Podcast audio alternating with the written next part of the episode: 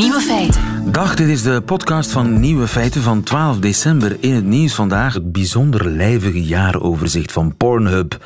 Inderdaad, de streamingdienst voor volwassenen. Dit jaar heeft de mensheid 6600 petabytes aan data geüpload via Pornhub. Dat zijn een goede 18.000 terabytes per dag of 200 gigabytes per seconde. Dat zegt mij ook helemaal niks, maar het gaat eigenlijk om 170 jaar pornofilm. Als je alle gestreamde data van 2019 op harde schijven zou kopiëren en die op elkaar zou leggen, dan zou die stapel 100 kilometer hoog zijn. Dat is een erectie. Als we er één opvallende vaststelling moeten uitlichten, dan is het wel dat nogal wat mensen naar Pornhub kijken via hun spelconsole. In die categorie doet 51,5% dat via PlayStation en 35% via Xbox. Denk daaraan als u bij iemand thuis gaat gamen. Maar de meest wenkbrauwfronsende bevinding is dat bijna 10% porno kijkt met een console die alleen werkt als je ze met beide handen vasthoudt. Rare mensen, gamers. De nieuwe feiten van Jovan Castiel hoort u in haar middagjournaal. Veel plezier. Do you know where your teenager is at 5 o'clock in the morning? Dat was uh, vroeger. Vandaag is de vraag: weet u waar uw kind uithangt op WhatsApp op alle uren van de dag? Want daar gebeuren de goorste dingen. Oh, um, ja, iemand wordt doodgeschoten. Nee, gadverdamme. Oké. Oh, jezus. Hier kijk ik eigenlijk liever niet naar. Nee. Twee meisjes die naast elkaar liggen. Een man die steekt uh, op hun neer. Het is ook een jong persoon. Ik denk dat het echt een domme reden heeft of zo. Oké, okay, ze is dood. Voor wat ga je nog verder? Een fragment uit de RTL-documentaire over horror op WhatsApp-groepen van scholieren. Daniel Verlaan, goedemiddag. Goedemiddag. Je bent techjournalist voor RTL. En je bent maandenlang undercover gegaan in WhatsApp-groepen van scholieren. Hoe kwam je daarbij? Uh, nou, ik wilde eigenlijk uh, uh, onderzoek doen naar ja, extremistische of terroristische groeperingen op WhatsApp. Um, en ik kwam in, een, in wat kanalen waar heel veel extremistische video's werden gedeeld. Veel onthoofdingen van IS. En um, ik, in die groepen worden ook weer uitnodigingslinkjes verstuurd voor andere groepen. Dus ik kwam vanuit de ene groep steeds in andere groepen. En uiteindelijk zat ik in heel veel groepen. En zag ik dat de de geschreven teksten die daarin werden gedeeld ook, hè, de berichtjes, eigenlijk heel jeugdig van aard waren. Niet echt uh, dat, het, uh, dat het oudere mensen waren. En toen keek ik naar de leden van die groepen. En toen bleken het allemaal pubers te zijn. Die in een soort grote groepen ja, de, alle de naaste en de ziekste dingen delen daar. En dat zijn uh, scholieren en die zitten niet noodzakelijk op dezelfde school. Nee, nee, dat klopt. Uh, het zijn uh, grote groepen, vaak van honderden mensen. En dat zijn, ze beginnen vaak uit een, een clubje nou ja, vriendjes hè, op school. dan komen er wat, wat andere mensen bij van school. Dan misschien een andere school uit hetzelfde dorp of dezelfde stad. En vervolgens, als dat buiten die buiten die stad wordt bereikt, dat linkje waarmee je toegang kan krijgen tot die groep, dan, dan, dan is het voor iedereen vrij spel eigenlijk erin. En hoe groter die groep, hoe populairder en hoe stoerder dat is voor de beheerder. Dus er is ook een, wel degelijk een. Um, zij willen natuurlijk degelijk wel de, de, een beetje de grootste en actiefste en misschien wel de meest erge groep zijn die er is. En dus de beheerder bepaalt of je erbij mag of niet? Uh, in, in het meeste gevallen wel, maar er wordt een linkje eigenlijk vaak gedeeld waarmee je toegang kan krijgen tot zo'n groep. En de beheerder kan jou er dan uitgooien of niet. Maar je kan zelf vaak gewoon toegang krijgen tot zo'n groep als je alleen maar op dat linkje drukt. Je zit dan eigenlijk gewoon lid worden van die groep en dan klik je daarop en dan zit je erin. En ook al ben je helemaal geen scholier meer, je kan doen alsof je scholier bent. Dat lijkt mij ook gevaarlijk. Ja, zeker, zeker, zeker. Dat heb ik natuurlijk gedaan. Ik heb verschillende telefoons uh, met verschillende keren uh, WhatsApp erop. En um, ik heb gewoon gedaan alsof ik een, eh, een, een, een eh, jongen was uh, van 14 die op een school zat in Utrecht hier in Nederland. En uh, dat lukte me. En nou ja, ik, ik probeerde daar maandenlang te kijken eigenlijk. Ik heb natuurlijk niet meegepraat of dat soort dingen. Ik heb, zeg maar, dat heet dan lurken in de, in de, in de nerdtaal. Je hebt alleen maar gelurkt. Ja, gelurkt, ja. En toen heb ik gekeken en nou ja, daar, ik, het, het ging van kwaad tot erger steeds wat daar werd gedeeld. En noem eens wat. Ehm, nou, het begon vaak met die, uh, met die onthoofdingsvideo's. Die werden steeds erger. Dus dan zag je echt dat er uh, ogen werden uitgestoken van mensen. En ledematen ont, ont, maar, ontmanteld ongeveer. En, en uiteindelijk ging het van dingen als nazi-propaganda en zeer racistische en antisemitistische dingen ehm, naar zeg maar porno. En, en op zich gewoon normale porno in het begin. Dus dat was, dat was niet heel ernstig, dacht ik meteen. Maar dat ging daarna steeds naar jongere porno. Dus eigenlijk kinderporno. En dan kan je denken aan bijvoorbeeld naaktfoto's en video's van uh, jonge kinderen van dan bijvoorbeeld 12 jaar, uh, zeg maar. Hè, een beetje de leeftijd ook die in die groep ook wel, wel eens zit. Um, het kan niet fout genoeg zijn eigenlijk. Nee, eigenlijk niet. En op een gegeven moment toen er, zeg maar, toen, toen er echt peuters werden misbruikt en zo, beelden daarvan werden gedeeld, toen dacht ik wel, waar zijn we nou in godsnaam mee bezig? Ja. Dat is niet, uh, dat, ja, dat, dat had ik niet gedacht, nee. En, sorry, maar wat is de lol voor de mensen die daarin zitten, voor de tieners die daarin zitten? Ja, dat is een goede vraag. Um, ik, uh, ik, ik, wist zelf ook niet in het begin, maar ik heb toen met uh, wat hoogleraren gesproken die, die, die, die begrijpen hoe het puberbrein werkt. En die zeggen eigenlijk dat pubers dat die de grens opzoeken. Dat zij dat, dat nodig hebben ook. En dat hun, hun hersenen nog niet zodanig zijn ontwikkeld op emotioneel gebied. Dat zij dingen kunnen rationaliseren en kunnen denken: hé, hey, wat ik nu deel, dat is niet goed. Zij handelen heel erg uit emotie. Dus als zij zien van um, uh, deze video is erg, deze video is naar, dat heb ik net gezien, dat wil ik delen om dezelfde reactie bij anderen te verkrijgen. En daarnaast, en daar zit een belangrijk component ook nog in, is dat er een hele sociale controle en druk in die groepen zit. Dus stel voor, ik uh, deel een video, een nare video.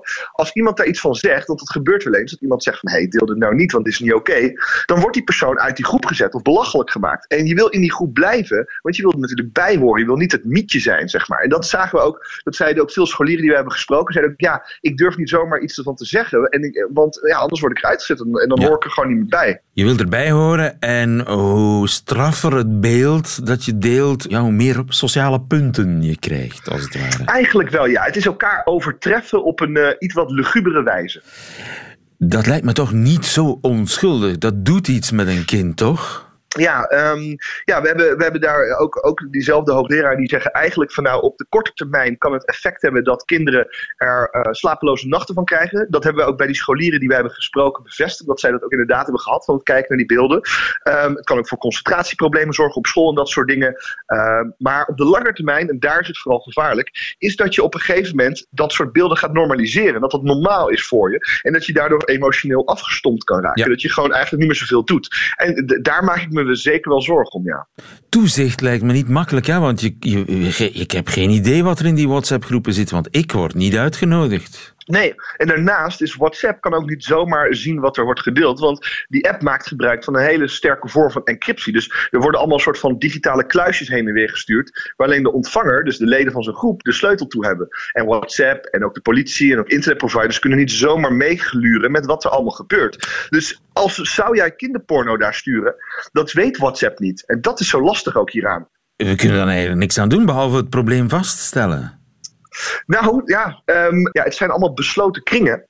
En um, wat er gebeurt, ja, als jij inderdaad, zoals je zegt, als je er niet in zit, dan weet je niet. En voor mij was in ieder geval het doel uh, van dit verhaal, was om ouders hiervan op de hoogte te brengen en ook deels te waarschuwen van kijk uit, je kind zit in dat soort WhatsApp groepen, ga er maar vanuit. Dus in plaats van dat je er niet over praat of dat je het niet weet, kun je er beter het gesprek met je kind op aangaan over van hé, hey, hoe was je dag uh, op WhatsApp? Was het een beetje gezellig daar? Wat, heb je, wat ontvang je daar nou eigenlijk? En uh, wat, wat gebeurt er nou in die groepen? En een beetje op dat manier een, uh, een, een omgeving creëren. Die, ja. die ervoor zorgt dat, um, dat je over dit soort dingen kan praten. Ja, dus niet meteen de, de smartphone gaan controleren en al die WhatsApp-groepen gaan checken. Maar nee, met je nee, nee, kind praten lijkt iets beter, toch in elk geval het begin van een oplossing. Ik ga kijken ja, absoluut. naar je documentaire. Dankjewel, Daniel Verlaan. Goedemiddag. Goedemiddag. Radio 1. Lieven van den Houten. Kijkt u soms op de doos om te zien hoeveel calorieën er in de koekjes zitten of in de pizza? Nee, ik ook niet. En daarom wordt er hier en daar een nieuw systeem uitgetest. Met succes overigens. Patrick Mully, goedemiddag. Goedemiddag. U bent voedingsexpert van de VUB en van uh, Defensie. Ja. Uh, in Engeland hebben ze het effect bestudeerd van een alternatieve vermelding op de dozen van voedsel. Niet het aantal calorieën staat op de doos, maar het aantal minuten stappen of minuten hardlopen dat nodig is om die calorieën te verbranden. En dat schijnt te werken. Ja, inderdaad. Het lijkt vrij eenvoudig, maar soms is de op ligt de oplossing in eenvoudige, eenvoudige zaken. Dus wat het hier om gaat, is eigenlijk vooral een overzicht van 15 studies. Dat is dus niet één studie, maar ze hebben dus Een studie naar de studies studies, samengebundeld. Ja, ja, ja, dat is veel sterker, want op één studie kunnen toevallig iets vinden of iets niet vinden. En in zo'n overzicht, ja, dan, dan heb je een goed gemiddelde. En men ziet dat niet alleen de calorie op de verpakking, maar ook het aantal minuten bewegen nodig om één portie te verwerken, dat dat toch wel een impact heeft op de consument. Ja, want het is verschieten, hè? Ja, soms eh, denken we er niet aan en om- soms zien we wel het aantal calorieën, maar we beseffen niet goed hoeveel dat, dat eigenlijk is. Dat is een beetje zoals vreemd geld. Ja, dat is dan vreemd geld, dat is een bepaald bedrag. Het is niet altijd evident om juist in te schatten hoeveel dat, dat is. En als je dat dan vergelijkt met iets dat we wel kennen, wandelen, fietsen, lopen, ja, dan is het verschiet. Een blikje cola kost een kwartier hardlopen. Ja, dat is dus niet wandelen, dat is dus hardlopen, dat is dus al vrij intensief, eh, een kwartier lang. Eh, dat is een systeem dat eigenlijk, eigenlijk bijna visueel uitlegt hoeveel dat die inspanning moet gaan doen om dat te verwerken. En dat doet dan sommige mensen dan toch wel aarzelen om het al of niet te nemen. Pizza, een pizza zou vier uur wandelen kosten om hem te verwerken en te verbranden. Dat is wel gigantisch, hè? Dat is vrij gigantisch en dat is juist het effect dat veel mensen hebben van eh, het verschieten van ik wist niet dat dat zoveel was. Vroeger hadden de mensen dat veel minder, want ze kookten veel zelf, dus wisten ze zelf wat er in die voedingsmiddelen staken. Mijn grootmoeder zei altijd, ja, neem een wafel, maar pas op, daar zit boter in, veel boter. Ze had het zelf gedaan. Ja. En vandaag de dag kopen we veel kant en klaar en eh, ja, dat brengt toch wel de voeten terug op de grond. Zo, Ik wil, ik wil er niet eens aan denken hoeveel stoverij friet kost.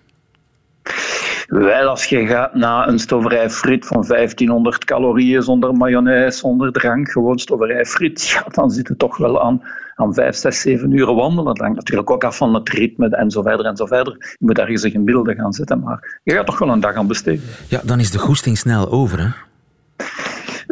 Dat doet dan weer als sommige mensen twijfelen. Natuurlijk, het probleem hier is, doet dat de, goed, de juiste mensen twijfelen. Zal die obese persoon die dat gaat eten twijfelen en, en dat laten staan omdat het zoveel wandelen is. Ik vrees weer al dat we in het straatje zitten van het motiveren van de gemotiveerden. Mensen die al gemotiveerd zijn, zullen daar gevoelig voor zijn. En die die eigenlijk zouden moeten, ja, die zijn dan minder gemotiveerd om dat te gaan Maar uit die studie blijkt dat mensen gemiddeld 200 calorieën minder per dag tot zich nemen. Alleen maar door de verpakking te veranderen. tot 200 calorieën kan dat oplopen. Dat zullen natuurlijk onderlinge variaties zijn tussen de mensen en tussen de studies. Maar dat heeft een serieuze impact. En vandaar dat de voedingsindustrie natuurlijk liever heeft dat alle cijfers op de verpakkingen staan. Een warboel van cijfers waar niemand nog aan uit kan. In plaats van zo'n eenvoudige, duidelijke boodschap die dan de consumptie gaat beïnvloeden. Hè? Want als ze 200 calorieën minder consumeren, ja, dat is 200 calorieën minder verkocht. En is dat wat dwars zit? Eh, Want ja, het is een heel simpel plan. Eh, Je zou denken, waarom doen we dat al lang niet? Dat is een zeer goede vraag. En tien jaar geleden waren al plannen om dergelijke systemen in te voeren, maar de voedingsindustrie, toch een deel van de voedingsindustrie, gaat liever voor de totale informatie om de consument totaal in te lichten, goed wetend dat dat dan geen impact heeft op de consumptie. Eh, er zijn betere systemen, maar je moet ze natuurlijk doorkrijgen. Dat is natuurlijk niet leuk. Eh, dat de mensen minder gaan consumeren heeft natuurlijk economische gevolgen voor, voor de overheid ook. Afwachten of dat ooit in de toekomst eh, gaat veranderen en of er dan ooit op de doos pizza zal staan. Deze pizza kost u vier uur wandelen. Dankjewel, Patrick Mully. Goedemiddag. Graag gedaan. Nieuwe feiten. Bent u een vrouw en een sportieve fietser? Dan weet u wellicht wat ik bedoel met flapmash. Flapmash, inderdaad. Het is een probleem dat al heel lang bestaat, namelijk zolang vrouwen op een racefiets zitten. Maar waar nauwelijks over gesproken wordt, al komt daar stilaan veranderingen in. Het taboe is aan het sneuvelen. Jasmijn Muller, goedemiddag. Een goedemiddag. Je bent duur fietser, hè? Jij maakt extreem lange fietstochten. Wereldkampioenen ben je in jouw discipline. Hoeveel kilometer per dag kun jij zo fietsen? Op één dag, de, de meeste kilometers die ik gefietst heb, is eh 477 kilometer. Jezus, Mina, 477 kilometer fietsen op één dag. Ik Ja. sta perplex en ik, ik eh, val op mijn knieën van bewondering, Jasmijn. Eh, dat vind ik gigantisch. Nu, jij woont in Engeland en daar zeggen ze flapmash. In het Nederlands hebben we nog geen woord, hè? Nee, maar eh, ik heb mijn zus gevraagd om een mooi Nederlands woord. En eh, ze had er wel eentje. Je Dus zus had er je eentje, belang- ja? Ja, ja, ja, ja. Zij kwam met eh, flap aan Flarden. Of Flap? aan Flarden. Flap aan flarden, dat is wel heel plastisch. Ik dacht Ja, aan vulvaverdriet. Vulva-verdriet, die vind ik ook erg mooi. Vulvaverdriet, het is misschien iets omzwachteld. Flap aan flarden zegt meteen wat het is. Jij kent het probleem van zeer nabij, hè? Ja, helaas heb ik daar vijf jaar lang eh, mee geworsteld. En kun je ons uitleggen wat het is? Het is voor verschillende mensen verschillende dingen. Eh, voor mij was het probleem dat op de, eh, de schaamlip, in de eerste instantie aan de linkerkant en dan over de loop der jaren aan de rechterkant, eh, iedere keer irritatie ontstaat tijdens het fietsen, en zeker tijdens lange fietstochten. Ehm, die irritatie gaat dan een zwelling veroorzaken. Die zwelling gaat eh, infecteren. Eh, en soms is die infectie open en dan kan je er iets aan doen. Maar voor mij werd het dat het een onderhuidse infectie werd, eh, wat eigenlijk nooit open ging. Eh, en alleen maar groeide van ja, de grootte van een, knikker tot de grootte van een eh, golfbal. En eh, dat, dat, zit niet zo lekker en, eh, en heeft een hoop pijn veroorzaakt. En fietsen lijkt me dan wel heel moeilijk met zo'n golfbal tussen je benen. Ja, ja zeker. Je, je probeert oplossingen te vinden, maar uiteindelijk waren de enige echte oplossingen voor mij was een, een, een operatie, eh, zowel links als rechts, om eh, ja, het probleem weg te halen en, en daarna een aantal dingen om te voorkomen dat het eh, terug zou komen. Een operatie, dat is wel zeer ingrijpend. Ja, de, de eerste operatie was in 2013. Dat was een spoedoperatie in Frankrijk. Ik had een eh, 24 uur reis gereden op eh, Le Mans, op het circuit daar. En de volgende dag leek ik wel een, een man te zijn. Er hing zeg maar de grootte van een balzak eh, hing er in één keer aan. En eh, die eh, infectie die, die verspreidde zich ook over mijn benen, over mijn buik. Er kwamen allemaal rode vlekken. En toen ben ik met spoed naar het ziekenhuis gegaan en, die hebben dat toen eh ja, het open gesneden. Dat heeft dan eh, nog vijf weken geduurd om, om langzaam weer te helen. Het, het wordt niet gehecht of zo. Het is een, eh, eh, een wond die zich langzaam zelf moet helen. Dus dan ja, geduld hebben totdat je weer op de fiets kan. Ja. Nu, ik had er nog nooit van gehoord. Komt dat vaker voor? Jij fietst natuurlijk ja, bijna 500 kilometer per dag soms. Dat is wel heel extreem. Ja, het komt vaker voor. Eh, zoals ik eerder zei, in, verschillende vormen. Sommige vrouwen hebben last van eh, eerder eh, schaafwonden of kleine infecties door bijvoorbeeld scheren. Of inderdaad ja, grotere zwellingen die, die dus niet open gaan. Het zijn wel vaak vrouwen die een, of dus inderdaad langer in het zadel zitten, of een wat agressievere houding op de fiets hebben. Niet, eh, niet in die zin, maar meer voor de positie op de, de fiets. Dus, eh, De positie doet heel veel. Een triathlon of een eh, tijdrit rijden, dan zit je veel meer naar voren, echt op de schaamlippen, op de zachte delen. En dat, dat veroorzaakt ja, meer problemen dan als je zeg maar, op de, de Nederlandse fiets mooi rechtop zit. Ja, en had jij het moeilijk om daarover te praten? Want je hoort daar weinig over. Hebben vrouwen vaak ja, moeite om daarmee naar buiten te komen? Ja, ja, ik woon in Engeland en daar zijn ze nogal eh preuts in eh, vergelijking met, met Nederland of België. Dus dat, dat is wel moeilijker. Ehm, het verschil met mannen en vrouwen is ook dat, ja, we noemen het al schaamlippen. Eh, het woord alleen al. En toch je, ja, je, je geslachtsdelen waar je eigenlijk op zit. En voor een man, als die een eh, zadelpijn heeft of, of problemen, dan kan hij het hebben over zijn kont. En dat is dan nog te bespreken. Ehm, maar die kan zijn geslachtsdelen aan de kant leggen. En die heeft daar normaal gesproken eh, niet al te veel eh, zadelpijn op. Ehm, ik heb wel gemerkt dat in de loop van de tijd dat die, die gesprekken hierover wel los beginnen te komen. En dat meer mensen, als jij erover begint te praten, dan krijg je in één keer van, oh, maar dat heb ik ook. En ligt het aan de specifieke bouw van de specifieke vagina? Want elke vrouw is verschillend, hè? Nee, nee, dat heb ik heel lang gedacht. Ik ben inderdaad naar de gynaecoloog gegaan en gevraagd van... is er iets mis met mij of zo? Ben ik scheef? Ben ik uh, in rare proporties? En uh, ja, duidelijk te horen gekregen... nee, er is, er is niks mis met jou. Uh, de operatie die ik heb gehad was ook niet een, cosmetische operatie of een ingreep. Um, het, hangt niet aan de bouw. Uh, het kan natuurlijk wel zo zijn als je grotere schaamlippen hebt die meer uh, ja, zeg maar naar buiten uh, komen. dan kan je er eerder last van hebben. maar ja, de, de positie op de fiets en ook de, de rest hoe de, de fiets is ingesteld, kan wel een groot verschil maken. En heb jij daar nu iets aan veranderd? Want ja, jij bent nu geopereerd, dus het probleem is verholpen.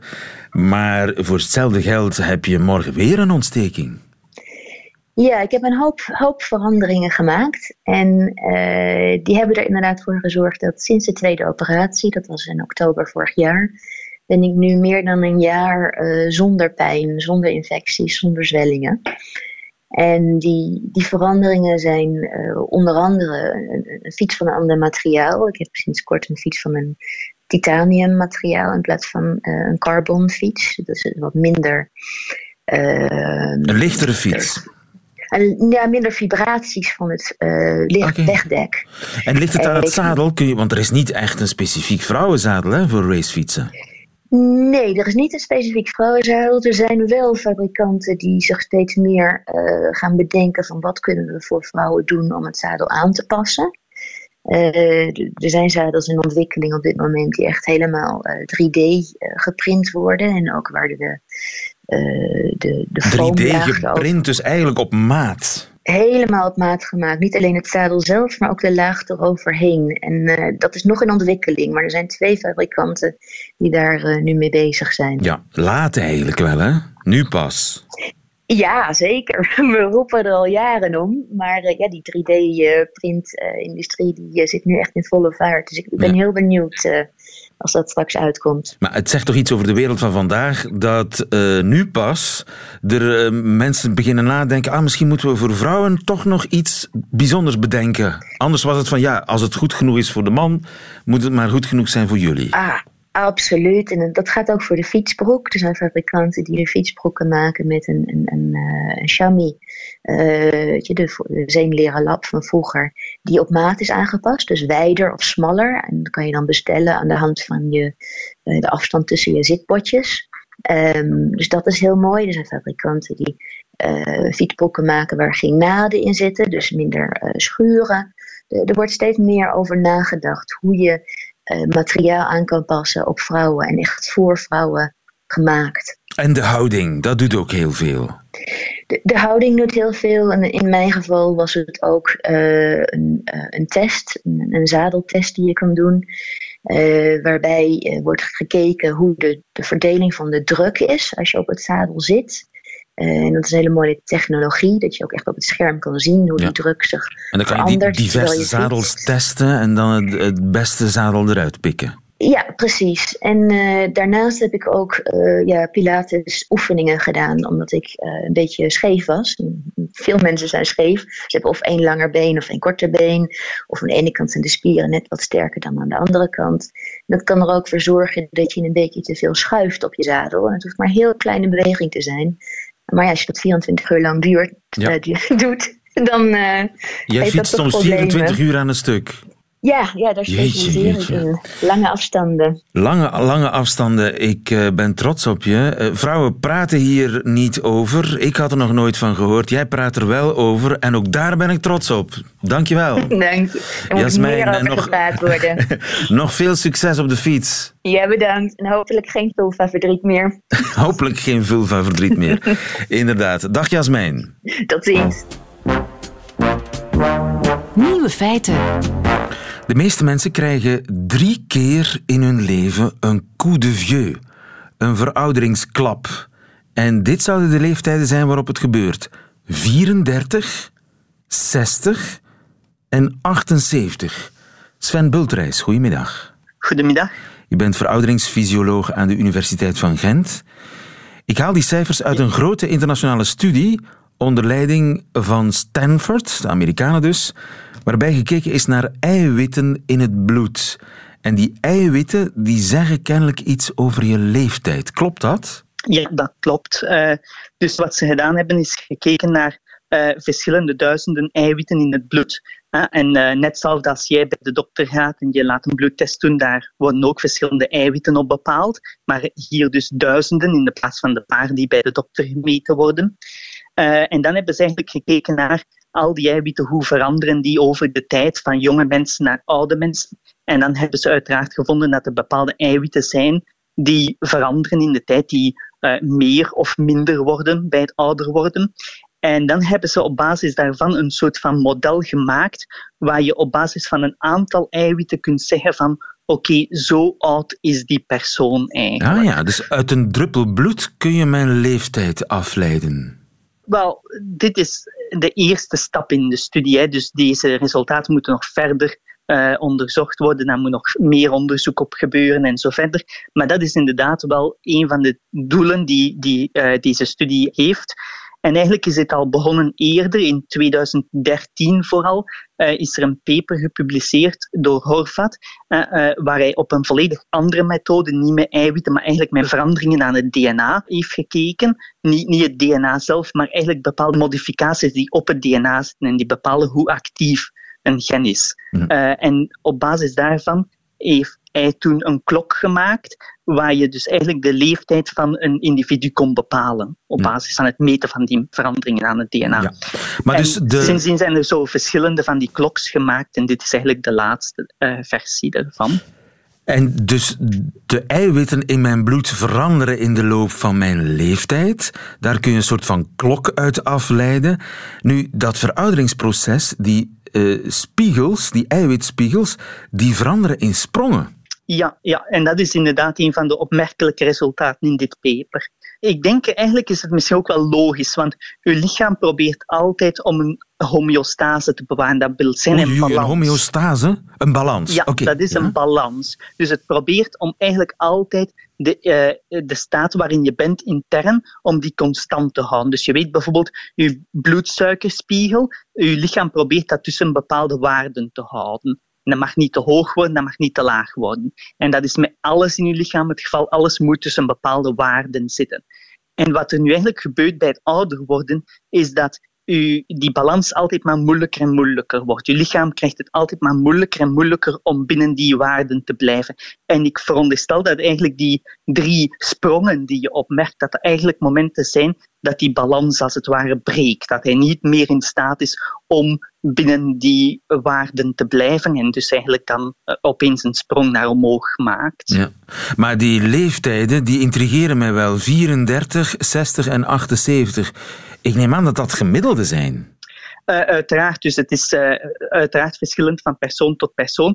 En uiteraard, het moment waarop die sprong zal gebeuren, zal misschien wel iets kunnen zeggen over hoe jong je bent, biologisch gezien. Maar dus 34, 60 en 78, daaromtrent zitten je coup de vieux. Um, of op 34 al het geval is, is de vraag. Ik heb hem toen niet gevoeld eerder, in elk geval. Ja, dat zou misschien eerder al kunnen zijn, gewoon dat uh, het ontwikkelingsproces van je lichaam dan op het einde is. Of dat dit al veroudering is, denk ik, is een, een, een, ver, een stap te ver misschien. Maar inderdaad, waarschijnlijk op 60 en dan op uh, 78, dat zijn dan waarschijnlijk de echte verouderingssprongen ah, die je merkt. Dus op 34 ben je eigenlijk pas echt helemaal volgroeid. Wel, de meeste dingen gebeuren uiteraard jonger dan dat, maar ik, ik zou 34 waarschijnlijk niet als een verouderingssprong uh, uh, beschouwen. Maar uiteraard, dat is uh, interpretatie en daar zou verder onderzoek moeten ja. voor gebeuren. Het is allemaal nog heel bril. het zijn eerste stappen. Het moet allemaal nog verder onderzocht worden. Maar uit uw verhaal leid ik toch af dat die veranderende eiwitniveaus eerder gevolg van veroudering zijn dan oorzaak van veroudering. Uh, ja, inderdaad, dat is wat ik ook zou veronderstellen. Het is natuurlijk ook wel zo, hè, alles is een beetje aan elkaar gekoppeld. Hè, en er zijn dus uh, processen die dan breken, waardoor dat dan die eiwitniveaus veranderen. Maar die verandering in eiwitniveaus kan dan opnieuw weer tot oorzaak hebben dat andere processen fout gaan Ah, ja. lopen. Dus het is een beetje natuurlijk een vicieuze cirkel waar je terecht in kunt komen. Maar het is dus niet uitgesloten dat hier een sleutel gevonden is om dat verouderingsproces een klein beetje te vertragen. Wel, dat is misschien een beetje een stap te ver in, in dit hier verhaal, maar een van de intrigerende mogelijkheden uiteraard is om deze klok te gaan gebruiken om op zoek te gaan naar interventies die veroudering kunnen vertragen. Dus eh, je zou kunnen kijken eh, als je bij mensen bepaalde interventies doet, eh, levensstijlinterventies, maar ook bijvoorbeeld met geneesmiddelinterventies, eh, gaat dan die snelheid van het verouderingsproces afnemen met die klok. En als dat het geval is, dan zou je kunnen daaruit afleiden dat mogelijkerwijze deze interventie het verouderingsproces vertraagt. Er valt nog heel wat eh, uit te vissen in eh, onze biologische klok en eh, in hoe de eiwitspiegels veranderen in de loop van ons leven en wat voor oorzaak en gevolg dat allemaal heeft. Dankjewel. Sven Bultreis, goedemiddag. Goedemiddag. Nieuwe feiten. Dat waren de nieuwe feiten, alleen nog die van Jovan Castiel. De Amerikaans-West-Vlaamse comedienne heeft u te goed. U krijgt ze in haar middagjournaal. Nieuwe feiten. Middagjournaal. Goedemiddag. Dankzij de klimaatspebelaars zijn jonge mensen wakker geworden voor de grote problemen van onze tijd. Vorige week las ik in de krant een groot artikel over een elfjarige jongen die hard aan het actie voeren is tegen roken. En nu zit mijn hoofd vol vragen. Ten eerste, wat weet een elfjarig kind over roken? Begon hij te roken toen hij zes jaar was en is hij speciaal uit het afkikcentrum gekomen om ons te waarschuwen? Mijn tweede vraag is: hoe kregen deze kinderen een publiek profiel? Was het dat hij op een dag klaagde over sigarettenrook en zijn ouders alles lieten vallen om de krant te mailen over het gesprek? En mijn derde vraag. Wanneer zijn we begonnen met levensadvies aan kinderen te vragen? Vorige week hadden we een probleem met onze elektriciteit. Gelukkig hebben onze buren een achtjarig dochtertje die alles heeft gerepareerd. En haar zusje heeft onze belastingsbrief ingevuld. Kijk, het gevaar van sigaretten is een kei belangrijk onderwerp. Maar waarom doen wij alsof we dat niet wisten? We weten dat al 60 jaar. Is dit nu echt wat wij in de komende jaren moeten verwachten?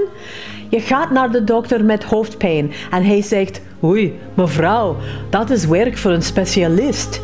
Hier aan de overkant is een kleuterschool en daar zijn een paar vierjarige kinderen die een perfecte diagnose kunnen maken. Ja, ja, in de wijze woorden van Oscar Wilde: Ik ben niet jong genoeg om alles te weten.